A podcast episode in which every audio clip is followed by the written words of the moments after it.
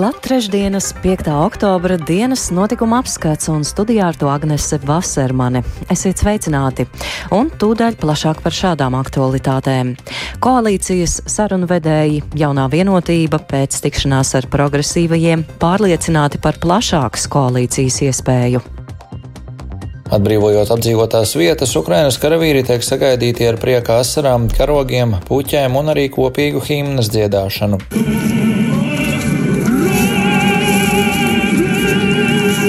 Slāva Ukraiņai!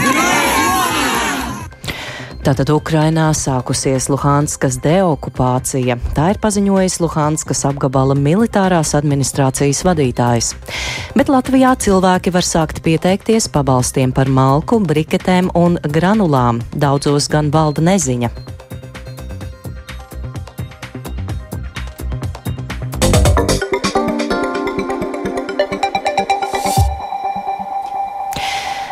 Turpinās jaunievēlēto politiķu sarunas par valdības veidošanu. Nākamās koalīcijas izveidas sarunu vedēji jaunā vienotība pēc tikšanās ar progresīvo partijas pārstāvjiem ir pārliecināti par iespēju sastrādāties plašākā koalīcijā. Tikmēr apvienotais saraksts un Nacionālā apvienība aizvien vēl uzskata, ka bez ceturtā valdības partnera var iztikt. Plašāk Jāņa Kīņša sagatavotajā ierakstā ir kliedēti mīti un rasts kopsaucējs dažādos saturiskos jautājumos. Tāpēc sarunas ar jaunās vienotības sarunu vedējiem izteicās partijas progresīvie pārstāvji. Izrunāti tādi jautājumi kā energoresursu krīzes pārvarēšana, ekonomikas izaugsmas veicināšana, mājokļu siltināšana. Progresīvie arī uzsvēruši, ka valsts drošības jomā atbalsta valsts aizsardzības dienesta izveidi un aizsardzības mācības ieviešanu skolās, par ko iepriekš viedoklis atšķīries. Tāpat ir vienota pozīcija par izglītošanos skolās latviešu valodā valodā. Par vēlmi piedalīties valdības darbā turpina progresīvo pārstāvis Kaspars Briškens. Pirmkārt, mēs eh, jau vairāk kārt esam apliecinājuši, ka mūsu pamatizvēle būtu būt daļai no šīs koalīcijas. Vienlaikus mēs noteikti neslēpjam, ka mēs esam gatavi būt arī ļoti jaudīga opozīcija, tā skaitā ar pilnvērtīgu ēnu kabinetu. Mēs noteikti netieksimies būt koalīcijā par katru cenu. Progresīvie tuvākajā laikā plāno mēģināt rast kopīgu valodu arī ar Nacionālās apvienības un apvienotā saraksta pārstāvjiem, kuri ir skeptiski par progresīvo piesaistīšanu koalīcijā. Šo pozīciju Latvijas radio vēlreiz atkārtoja apvienotā saraksta līderis Uldis Pīlēns. Nu, šobrīd tā taktiskā atšķirība ir, ka jaunā vienotība visai intensīvi labprāt vēlētos tomēr redzēt tur progresīvos. Savukārt mums, arī kā es sapratu, Nacionālajai apvienībai, tas liekas drusciņi pārāk liels ideoloģisks mikslis, un nekur tā pieredze Eiropā nav beigusies ārkārtīgi pozitīvi. Ja tā teikt, vienā traukā samiksēt tomēr tik dažādu ideoloģisku uzstādījumu spēkus. Ņemot vērā šo politisko spēku uzskatu atšķirības, būtu iespēja paredzēt, kādos jautājumos vai tēmu lokos nevienoties par kopēju konkrētu pozīciju. Tāds punkts ir spēkā arī esošās koalīcijas līgumā, atgādināja premjerministrs Krišjāns Kariņš no jaunās vienotības. Pēc viņa teiktā šis ir partiju pieslīpēšanās laiks un būtiski to pārstāvjiem savstarpēji sarunāties. Es neredzu nevienu nepārvaramu šķērsli, kāpēc nevarētu mēs arī ar progresīviem strādāt. Kāpēc nevarētu izveidot spēcīgu valdību no četrām partijām, no jaunās vienotības, apvienoto sarakstu, Nacionālo apvienību un progresīvajiem? Sarunas būtu jāturpina. Protams, ir ļoti daudz jautājumu, kas stāv vēl priekšā, kas nav izrunāti ne ar vienu potenciālo partneri. Iespējamo koalīcijas partneru sarunas turpināsies ceturtdien, kad plāno tikties apvienotā saraksta un Nacionālās apvienības pārstāvji. Kad tās runās ar progresīvajiem, pašlaik vēl nav zināms. Valsts prezidents ziņojumu par partiju sarunu attīstību gaida nākamās nedēļas sākumā. Jānis Kincis, Latvijas Radio.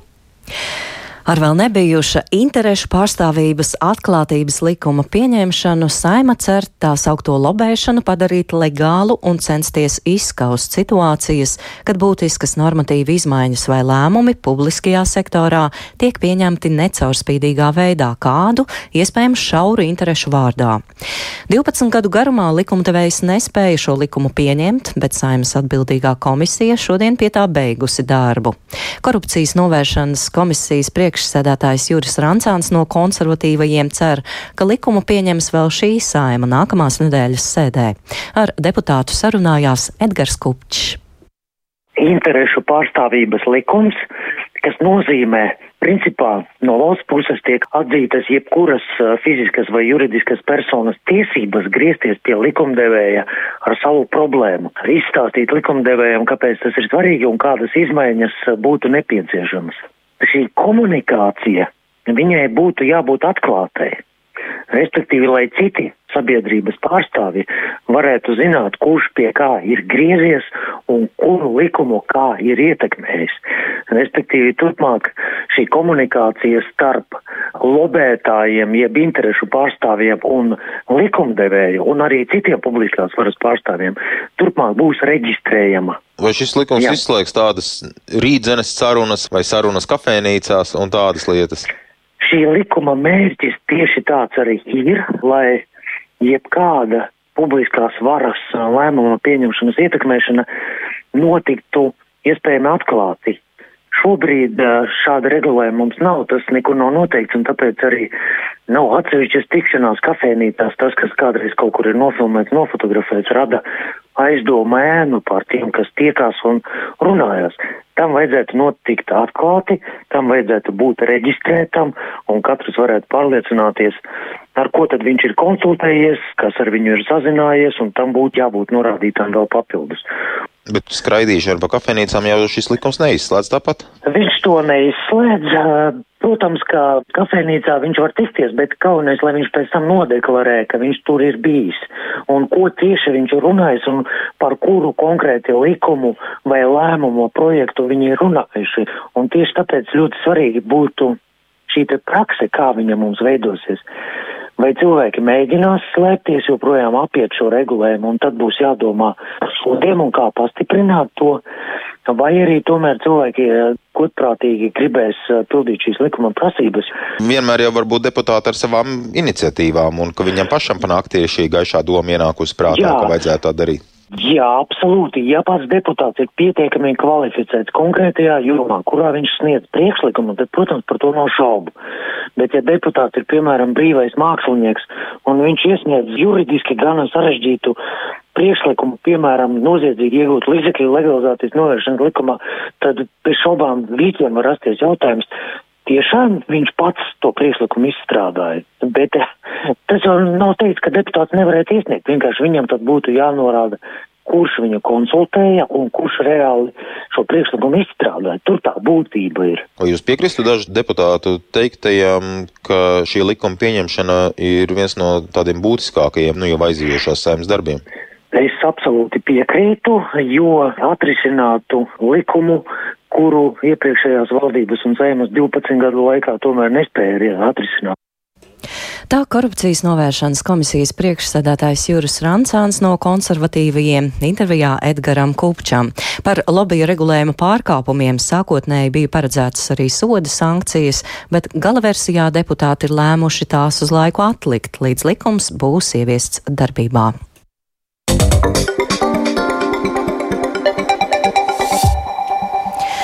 No šī mēneša stājas spēkā valsts atbalsts energoresursu cenu pieauguma daļējai sekšanai apkuras sezonā.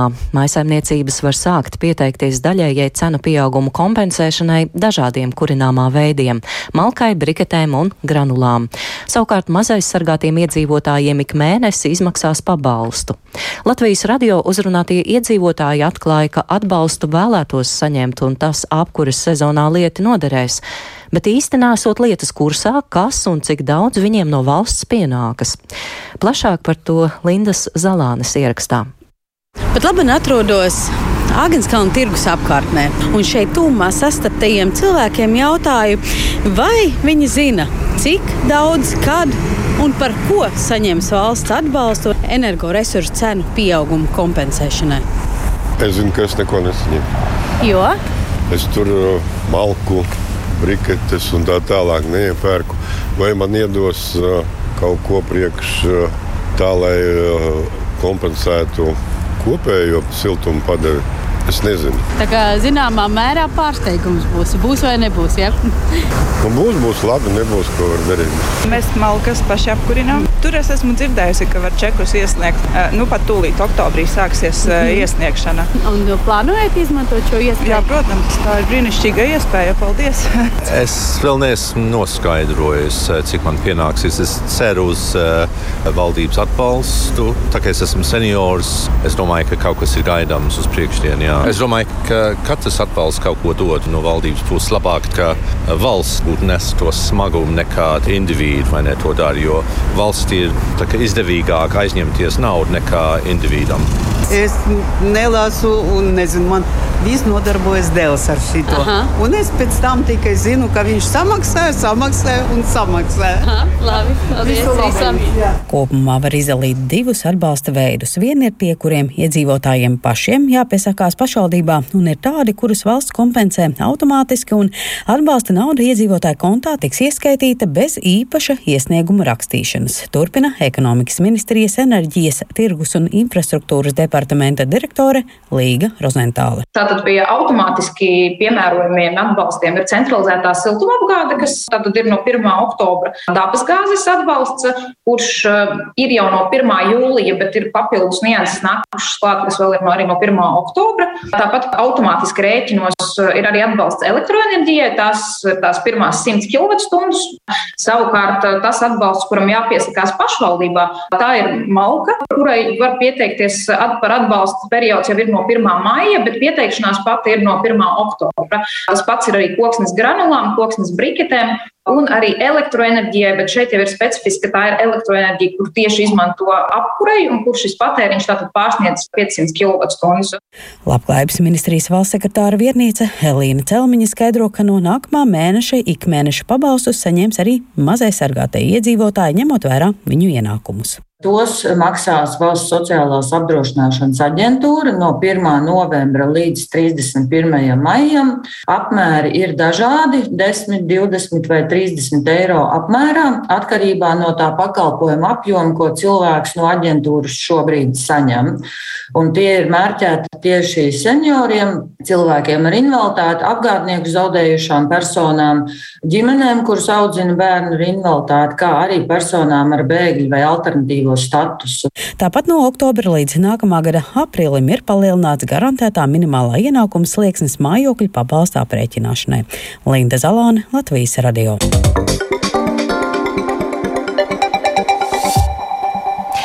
Un turpinām ziņu programmu. Rīgā uzvaras parkā padomju pieminekļa demontāža ir gandrīz pabeigta, darba grafiku apsteidzot par vairākām nedēļām. Atlikušos darbus paredzēts noslēgt tuvākajās dienās, tā informē Rīgas domas vadība, atklājot, ka teritorijā līdz vasarai plānots ierīkot pārku, kur jaunieši varēšot nodarboties ar sportu. Par pieminekļu nojaukšanu sabiedrība saziedojusi ap 270 tūkstošiem eiro, ko plānots veltīt būvgrūžu aizvākšanai. Ziedojumi oficiālo pieņemšanu šodien lemj domē. Turpina organizācijas Ziedot LV vadītāja Rūta Dimanta. Ziedojumi tiks izlietoti tam, lai bronzas figūras, gan karavīru, gan sievietes, gan strēli un pamatni pārvērstu būvgrūžos un izvestu. Protams, ka mēs tām publiskosim tajā brīdī, kad to ļaus doma drošības dēļ. Veicām diezgan daudz konsultācijas, lai pārliecinātos un saprastu, ka sabiedrības ziedojumi tiešām tiks izlietoti vislabākajā veidā. Drošības dēļ būvnieku doma neplāno atklāt līdz pat nākamā gada vasarai, taču šodien sabiedrība par atklātību dēlna ir publiskojusi secinājumus, ka pašvaldība būvnieku izvēlē rīkojusies godprātīgi un tiesiski. Vietvarai, kad ir vairāk ierosinājumi, turpina biedrības vadītāja Inese Tauriņa. Mēs ļoti labi saprotam, ka šis ir bijis sasteigts un ātrs posms, un ļoti, ļoti īsā laikā bija jāizdara. Procedūru varēja veikt aktīvāk, vairāk informācijas publicējot mājaslapā, gan Rīgas pieminiektu aģentūras, gan Rīgas domas, gan arī, protams, dodot dažas dienas vairāk šajā maijā apspriedas organizēšanai. Mēs esam arī noslēguši sadarbības uzraudzības līgumu ar Rīgas pieminiektu aģentūru un šo savu darbu turpināsim, jo ir svarīgi pārliecināties, ka visi līdzekļi tiek izlietoti godprātīgi ne tikai tikai līdz šī pirmā posma beigām, kad uh, piemineklis ir demontēts, bet arī līdz labiekārtošanas posmam. Nepatīkams incidents noticis naktī no pirmdienas uz otrdienu Jaunmārupē, kur apzaktas Ukrainas aizstāvjiem paredzētās automašīnas. Nozakti 18 akumulātori un viens riteņu komplekts. Policija sākusi kriminālu procesu un lūdz atsaukties iedzīvotājus, kam varētu būt kāda informācija par notikušo. Tikmēr tā dēvētā Twitter konvoju organizators Rēnis Pozņaks pasakās visiem, kas jau ziedojuši akumulātorus, lai mašīnas varētu nodot Ukrainas aizstāvjiem. Par notikumu vairāk stāsta Pozņaks. Mašīna stāv jā, tādā pļavā ceļa malā. Nu jā, vienkārši no rīta, kad atbrauc viss, viss nu, gandrīz visām mašīnām. Motori pārtek vaļā, nozagt akumulātori. Un uh, vienai mašīnai, jā, kam izsist stikls un, un riteņu komplekts, kas tur bija iekšā izdakts. Vai tā arī varētu būt kaut kāda vēršanās pret palīdzības sniedzējiem? Nu, kaut ko tādu jau visu laiku baidījāmies. Kaut kas tāds var notikt. Man ir grūti iedomāties, kur var cilvēki darīt ar 18 lietotiem akumulatoriem. Un turpinām par Krievijas izvērstā kargaitu Ukrainā. Luhanskas apgabala militārās administrācijas vadītājs Serhijs Haidais paziņojis, ka ir sākusies Luhanskas apgabala deokupācija un no iebrucējiem atbrīvotas vairākas apdzīvotas vietas. Sekmīgie Ukrainas spēku pretuzbrukumi valsts dienvidos un austrumos joprojām turpinās, neskatoties uz to, ka Krievijas prezidents Vladimirs Putins parakstījis likumu par četru daļēji okupēto Ukrainas apgabalu aneksiju stāsta Rihards Plūme. Turpinoties sekmīgiem Ukrainas armijas pretuzbrukumiem un okupēto teritoriju atbrīvošanai, analītiķi norāda, ka Ukrainas armija gūst ievērojumus panākumus Hersonas apgabalā, atbrīvojot jaunas apdzīvotas vietas un turpinot virzību uz Hersonu. Pienāk ziņas, ka uz ziemeļiem no Hersonas esošo Snihurivku būtisku dzelzceļa mezglu pametuši Krievijas armijas virsnieki. Par to paziņoja Mikolaivas apgabala militārās administrācijas vadītājs Vitālijs Kims, norādot, ka informācija vēl tiek precizēta, bet zināms, ka pilsētā joprojām atrodas Krievijas armija. Laikraksts Financial Times vēsta, ka Amerikas Savienotās valstis iesaka Ukrainai deokupēt dienvidu reģionus, to starp Hersonu, pirms augstā laika iestāšanās, kad karaspēka virzība palēnināsies. Pēc ASV militāru personu aprēķiniem iespēja deokupēt Hersonu, ja tāda būs, parādīsies jau no novembra vidus. Vienlaikus turpinās virzība uz priekšu Harkivas apgabala austrumos uz rietumiem no Svatoves, arvien vairāk apdraudot Krievijas pozīcijas Luhanskas apgabalā. Atbrīvojot apdzīvotās vietas, Ukrainas karavīri tiek sagaidīti ar prieka asarām, karogiem, puķēm un arī kopīgu himnas dziedāšanu.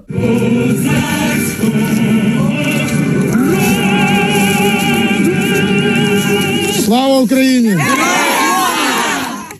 Kā šodien lietotnē Telegram pavēstīja Luhanskas apgabala militārās administrācijas vadītājs Serhijs Haidais, oficiāli sākusies Luhanskas apgabala deokupācija, un vairākas apdzīvotās vietas no Krievijas iebrucējiem ir atbrīvotas. Ну що ж, а зараз вже офіційно деокупація Луганської області розпочалась. Konkrētas atbrīvotās vietas gan viņš nenosauca. Pēc Haidaja teiktā iebrucēji saprot, ka tiek satriekti, tāpēc cenšas mīnēt visus ceļus un ēkas. Ukrainas prezidents Valdimirs Zelenskis norādījis, ka armija gūst ātrus un spēcīgus panākumus, un austrumos un dienvidos ir atgūti desmitiem ciematu. Kremļa runas vīrs Dmitrijs Peskovs šodien solījis atgūt zaudētās teritorijas Ukrainas apgabalos, ko Kremlis anektējis. Krievijas prezidents Vladimirs Putins šodien parakstīja likumu par četru daļēji okupēto Ukrainas apgabalu aneksiju, taču Krievijas patvarīgais akts starptautiski nekādas tiesiskas sekas neizraisa. Pēc Ukrainas armijas panākumiem Putins šodien paziņoja, ka sagaida, ka situācija Krievijas anektētajos Ukrainas reģionos stabilizēsies. Tikmēr Eiropas Savienības dalībvalstis šodien vienojušās par astoto sankciju paketi pret Krieviju, reaģējot uz Maskavas iebrukumu Ukrainā. Par to ziņo avoti diplomātiskajās aprindās. Sankciju astotā kārta ietver cenu griestu noteikšanu Krievijas naftai. Vienošanās paver ceļu arī aizliegumam Eiropas Savienības uzņēmumiem transportēt Krievijas naftu uz valstīm ārpus bloka, ja tās cena pārsniedz konkrētu līmeni. Šīs sankcijas paplašina iepriekšējo bloka aizliegumu pirkt un importēt Krievijas jēlnaftu un vairākus naftas produktus. Saskaņā ar jaunajām sankcijām Eiropas Savienības pilsoņiem būs arī aizliegts ieņemt amatu datus Krievijas valstī piedarošos uzņēmumos, tiks ierobežots ķīmisko vielu un elektronikas eksports uz Krieviju un noteikts importa aizliegums Krievijas produktiem 7 miljardu eiro apmērā. Rihards Plūme, Latvijas radio. Gāzei uz laiku nosakot cenas griestus, kā arī vienojoties par cenām ar gāzes piegādātājiem un veicot kopīgus iepirkumus, būtu iespējams panākt enerģijas cenu kritumu Eiropas Savienībā. Tā paziņojusi Eiropas komisijas prezidente Urzula Fondera Lējena. Viņas sacītais uzrunā Eiropas parlamentā. After the winter, we will have to refill the gas storages. Pēc ziemas mums būs jāuzpilda gāzes krātuves, un ja mēs redzēsim, ka mums atkal ir scenārijs, kurā dalība valstis viena otru pārsola pasaules tirgu, un tas paaugstina cenas Eiropas Savienībā, tas nav ilgtspējīgi. Tāpēc mums ir nepieciešams visu dalību valstu kopīgs iepirkums, lai to paveiktu daudz labāk nekā mēs to darām. Mēs esam gatavi apspriest gāzes cenas griestus, ko izmanto elektroenerģijas ražošanai. Tas būtu arī pirmais solis ceļā uz mūsu elektroenerģijas tirgu struktūrālo un vispārējo reformu. Bet es domāju, ka mums ir jāskatās arī uz gāzes cenām ārpus elektroenerģijas tirgus. Mēs strādāsim kopā ar dalību valstīm, lai samazinātu gāzes cenas un ierobežotu nepatstāvību un tādējādi ierobežot arī Krievijas īstenoto cenu manipulāciju ietekmi. Jo, ja paskatās uz gāzes cenu druģaino līkni, var redzēt manipulācijas, kādas Krievija veic ar gāzes cenām, un tas ir jāpārtrauc.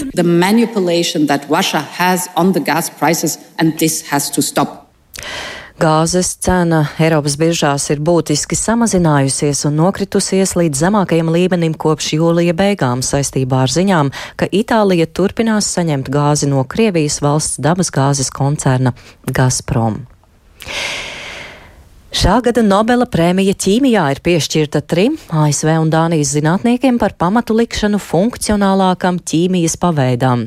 Amerikāņi Kerolīne Bertoci un Berijs Šārples kopā ar dāņu pētnieku Mertalu Medalu atzinību izpelnījušies par tā dēvētās klikšķa ķīmijas un bioortogonālās ķīmijas attīstīšanu. Nobela komitejas pārstāvis profesors Johans Aukvists stāsta par šo atklājumu nozīmīgumu. Uh, Klikšķu ķīmija ir gandrīz tāda, kā tā izklausās. Tās mērķis ir sasaistīt dažādas molekulas. Iedomājieties, ja jūs varētu dažādiem blokiem pievienot mazas ķīmiskas saites, jūs varētu tās savienot un radīt daudz sarežģītākas un atšķirīgākas molekulas.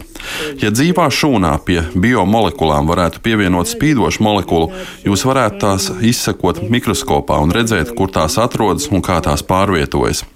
Šī gada laureātu atklājumi ļauj mums pievienot dažādas molekulas bioloģiskajām molekulām, un tas var būt ļoti noderīgi. Turklāt spēja tās izsekot var tikt izmantota diagnostikā, medikamentu molekulu nogādāšanā līdz to mērķim un daudzos citos veidos.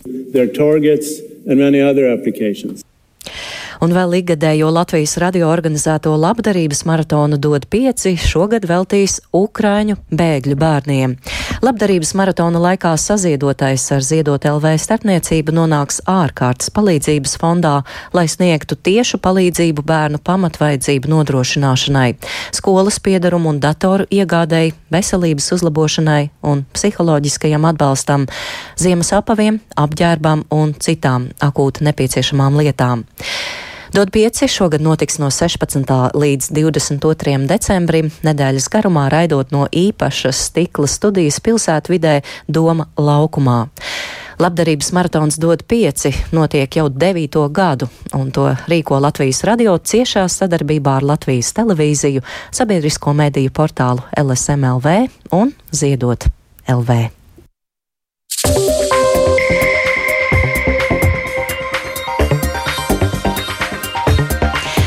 Ar to dienas notikuma apskats izskan producents Edgars Kupčs, skaņu režijā Uldis Grīnbergs un Mārtiņš Paeglis, studijā Agnese Vasermane par svarīgāko.